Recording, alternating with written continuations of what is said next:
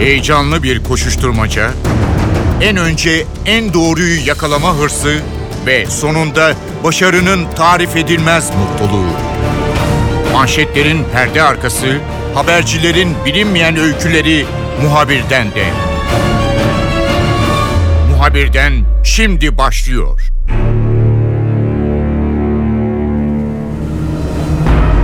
Önümüzdeki hafta Londra'da önemli bir zirve var. NATO toplantısı. NATO toplantısının gündeminde de yine Suriye var.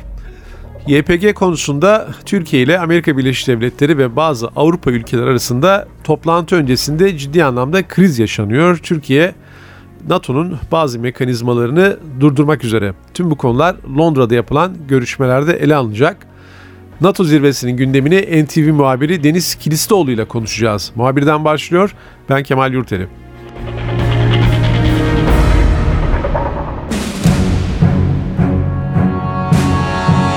Deniz önümüzdeki hafta Londra'da önemli bir NATO zirvesi var. Bu zirvede Suriye gündeminin yer aldığını görüyoruz. Gerçekten de zaten çok önemli bir konu. Ee, NATO'nun kendi rutin gündemleri olabilir.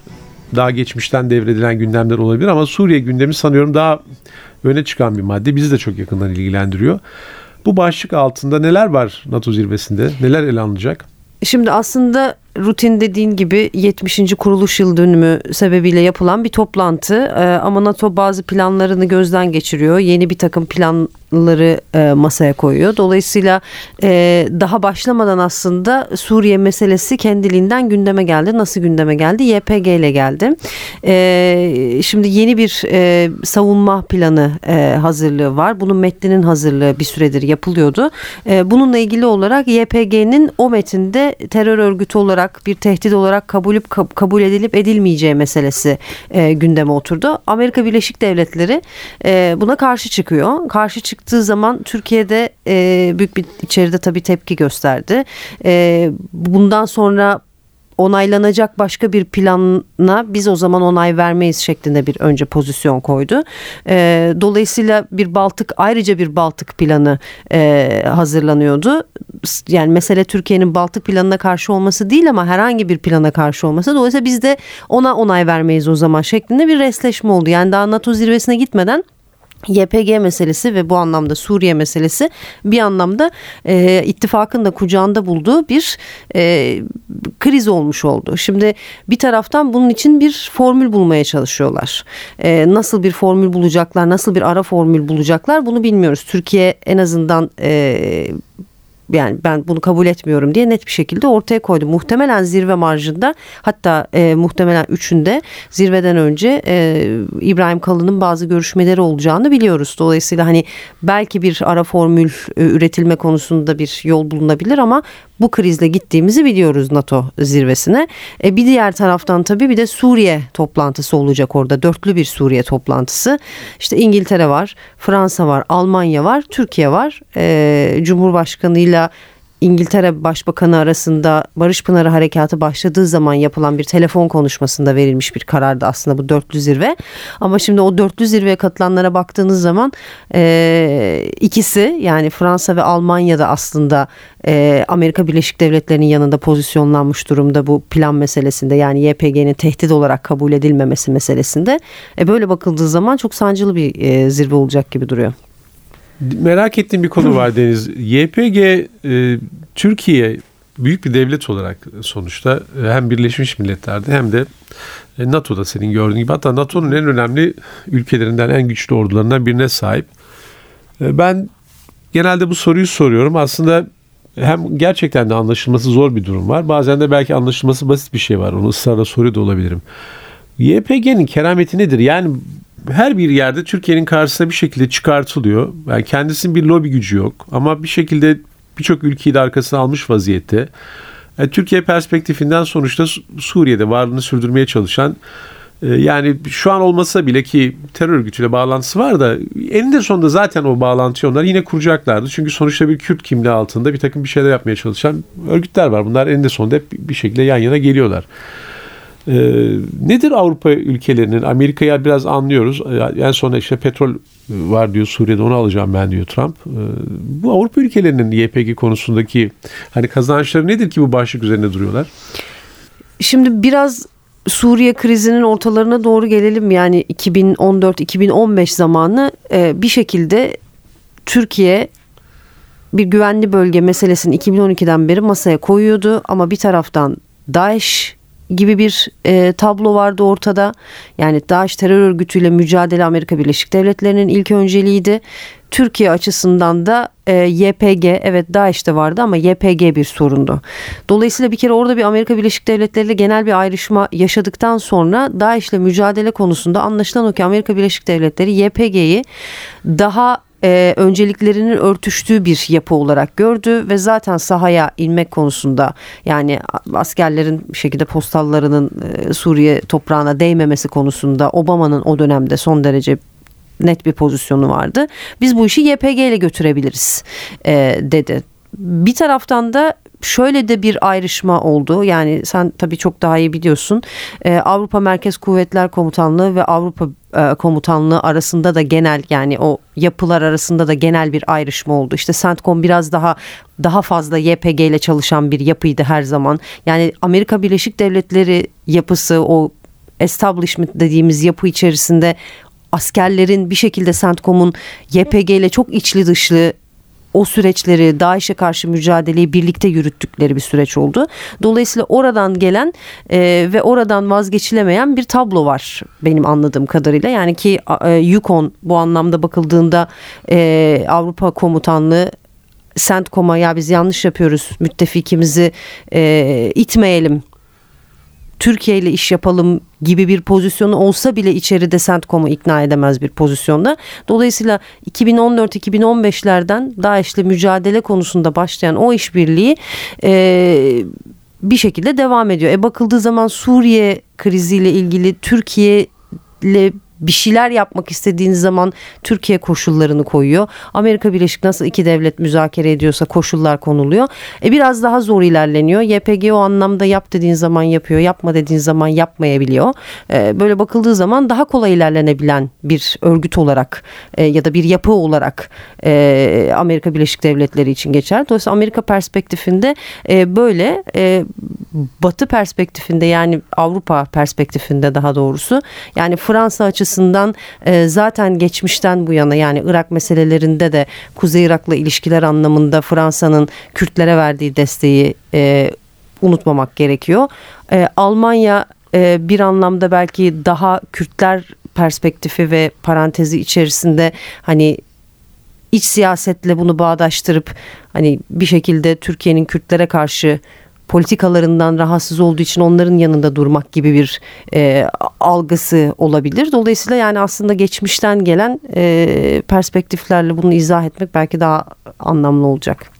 Ya bence çerçeveyi önemli ölçüde çizdin ama tabii bunların altında bu görüşmelerin altında veya YPG veya isim değiştirse fark etmez. Yani o bölgedeki bir Kürt oluşumu konusunda bu ülkelerin ne düşündüğünü tam da belki de bilemiyoruz. Ya belki, sorduğumuzda bunu hep soruyoruz aslında. Yani, yani gizli belki Amerika'nın, görüşmeler var. Onu evet, Amerika'nın bu yönde yani bir gün ileride Kürtlerin e, ayrı bir devlet kurması yönünde bir planı var mı diye sorduğunuzda ne İngilizler, ne Almanlar, ne Fransızlar ne de Amerikalılar var demiyor yani dolayısıyla hani demiyorlar ama hani herkesin de zihninde evet bir gün gelecek e, bütün bu devletlerin aslında yapmak istediği şey ileride o bağımsız Kürt devletinin kurulması için bir zemin oluşturmak ve bütün planlarının buna dönük olduğunu düşünüyor genel konsept bu. Yani Deniz uzun yıllardır dış politikayı takip ediyorsun. Ben e, Trump'ın hani e, Kürtlerle beraber orada kalacağız Suriye'de çünkü petrol var dediğini ben bir nevi modern korsanlık olarak görüyorum. Hani 1800'lerde hani iki gemi donatırsınız. içerisinde de bir takım maceracılar bulursunuz. Gidersiniz işte Afrika'da pamuk depolarını yapala, e, yağmalarsınız. Filan bunun gibi bir mantık içerisinde. Yani bu bir politika değil tahmin edersen. Böyle bir politika da yani büyük bir devletin olmaz ama. Bir iş adamı zihniyetini hep söylüyoruz Trump için. Burada da geçerli herhalde. Ee, bir başka önemli konu e, birden fazla zirve yapıldı biliyorsun. Ee, Soçi zirvesi var. Ee, işte daha önce bir Astana süreci var. Devam ediyor. NATO toplantısında yine e, gündemde Suriye konusu var. Bir yandan anayasa süreci Suriye'de hani Suriye'nin geleceği ne olacak diye devam eden toplantılar var. Bu trafik e, neyi işaret ediyor? Yani bu yıl önümüzdeki yıl içerisinde biz biraz daha e, politik e, politika masasında bir e, konuşulan Suriye mi göreceğiz? Yoksa yine hala böyle Türkiye'yi rahatsız eden bir takım gruplarla beraber anılan e, bir takım operasyonları zorunlu kılan bir e, Suriye perspektifi mi bizi bekliyor? Bence ikisi de çünkü Suriye'de siyasi geçiş süreciyle ilgili olarak bir ilerleme sağlanamıyor. Ee, yani işte 21 ayda kuruldu ancak Anayasa Komitesi ama şimdi ilk toplantılarda bile işte Türkiye'nin Barış Pınarı Harekatı'yla biz nasıl e, konuşacağız? Bütün dengeleri alt üst etti diyerek işte Suriye rejiminin e, bir şekilde masada e, kilitlediği süreçler var. Yani o e, Astana dediğimiz yani siyasi geçiş sürecini sağlayacak yapı e, çok sağlıklı bir şekilde hızlı bir şekilde ilerlemiyor. Bir kere bunu koymak gerekiyor. İkincisi e, siyasi geçiş sürecinin yanı sıra e, yani evet bundan sonra Suriye devleti nasıl bir yapı olacak? Nasıl bir e, devlet e, yapısıyla yönetilecek? Başında kim olacak gibi temel anayasası nasıl yazacak? Seçimler nasıl olacak gibi temel sorular var ama e, bunun haricinde bir de mesela yapılandırma meselesi var. Yani Suriye yıkıldı. Şimdi biz tekrar nasıl e, bunu inşa edeceğiz meselesi var. Şimdi bu anlamda da yan zirveler de bunlar için yapılıyor. Yani işte geçtiğimiz zamanlarda hatırlayacaksınız. Geçen Ekim ayıydı yanlış hatırlamıyorsam. Ee, bu, bu Ekim değil de ondan önceki Ekim ee, Rusya'nın da katıldığı bir dörtlü toplantı yapıldı. Yine e, Fransa ve Almanya vardı. Macron ve Merkel gelmişti. O zirvenin amacı mesela e, Rusya'nın bir şekilde e, ya da bundan sonra Suriye'de e, nasıl inşa edeceğiz Suriye'yi yani altyapısal olarak hani Avrupalı ülkelere biraz da siz elinizi taşın altına koyun para verin e, mantığıyla yapılmış bir zirveydi aslında. Yani Rusya'nın amacı oydu ama mesela Fransa ve Almanya çok net bir şekilde şunu söylediklerini biliyoruz. Suriye'de siyasi geçiş süreci olmadan e, tam olarak neyin ne olduğu belli olmadan biz bir sent bir euro bile vermeyiz gibi bir pozisyondalar. Dolayısıyla o zirve evet siyasi geçişe evirme anayasa komitesini kurmak için belki bir itici güç oldu ama hani aslında bir zirve olarak kaldı. Şimdi önümüzdeki hafta yapılacak yine bir dörtlü zirve var. Bu sefer İngiltere var için içinde Rusya yok. Şimdi ne konuşacaklar? Bu sefer Suriye'nin kuzeyinde e, yapılacak güvenli bölgede işte o Türkiye'nin planlamaları doğrultusunda ya siz de elinizi taşın altına koyun artık orada güvenli bir şey sağlansın ve orada maddi olarak da e, bir takım şeylerin yapılabilmesi için maddi desteğinizi de verin konuşulacak. E, böyle bakıldığı zaman ne kadar Almanya ve Fransa bunu yapmak istiyor bir soru işareti ama Türkiye'nin de e, bunun artık yapılması gerektiğini söylüyor ama daha buralara gelmeden iş gene dönüp dolaşıp YPG'de kilitlendi. Tam olarak nasıl e, terör örgütü oradan çekilecek ki karşı taraf bunu terör örgütü olarak da görmüyor. Yani böyle iki taraf içinde sıkıntılı bir süreç ve hem siyasi hem e, askeri olarak sahadaki sıkıntılar olarak önümüzdeki senede anlaşılan o ki Suriye meselesi tüm sorunlarıyla devam edecek gibi duruyor bence. Son sorum masadaki dosyaları konuştuk. Bir de sahadaki e, askerler var. Şimdi önce Amerika ile bir anlaşmalar, bir takım görüşmeler yapıldı. Daha sonra Rusya biraz daha somut, gözle görülür bir işbirliği sergilemeye başladı. Bu devriye gezilmesi konusu. konusu. Barış Pınarı Harekatı'nın kapsamı içerisinde. O nasıl yürüyor? Yani e, Türkiye'ye sürekli bir takım taciz satışlarının olduğunu görüyoruz. Türkiye Milli Güvenlik Kurulu toplantısında tekrar tekrar söyledi. Yani bu verdiğiniz sözleri yerine getirin. Bu teröristlerden arındırma konusundaki taahhütlerinizi yerine getirin diye. Çok kısa özetler misin? O trafik nasıl yürüyor? Yani anladığım kadarıyla Savunma Bakanı açıklamalarına bakılırsa yani tolere edilebilir bir e, anlaşmazlıklar var küçük çerçevede ama ana eksen sağlam gibi gözüküyor. Devam ediyor mu iş? E, bu hep bu hep gördüğümüz tablo. Yani Rusya özelinde konuşalım. E, e, İdlib'de de benzer şeyler yaşadık. Yani o gözlem noktaları kurulurken ki mutabakat vardı. E, gözlem noktaları kurulurken de taciz atışları oldu, saldırılar oldu, şehitler geldi. Yani Rusya ile bir şekilde e, sahada da hani her şey toz pembe gitmiyor, pürüzsüz gitmiyor ama genel mantık korunuyor. E, yine de belli bir süreç sahada Rusya ile götürülmeye çalışılıyor. Zaten hani bakıldığı zaman daha farklı bir alternatif e, var mı şu anda bir soru işareti. Yani hani 30 kilometre derinlikte bir hattan bahsediyoruz. E, 10 kilometresinde devriye yapıyorsunuz. İşte en son 11. ortak kara devriyesi yapıldı. E, geri kalan 20 kilometrede bir şekilde Rusya'nın söylediğin ya da bir şekilde hani o 20 kilometre ne olacak bir soru işareti ama zaten taciz atışları vesaire de oradan geliyor bildiğimiz kadarıyla. Dolayısıyla hani Yani bir şekilde süreç içerisinde hem birlikte yürümek zorundasın hem tehditlere karşı da kendini savunmak zorundasın. Rusya ile böyle bir e, süreç işliyor. Amerika ile ne kadar sağlıklı işliyor? Yani bir soru işareti bilmiyorum. Amerika ile çok uzun süren o ortak kara devriyelerinin bir başka versiyonunu şimdi Rusya ile e, görüyoruz ama tek fark Rusya ile o anlamda anlaşılan o ki daha samimi bir işbirliği var Amerika Birleşik Devletleri'ne kıyasla. E, bu şekilde yürütülmeye çalışılıyor sahada da.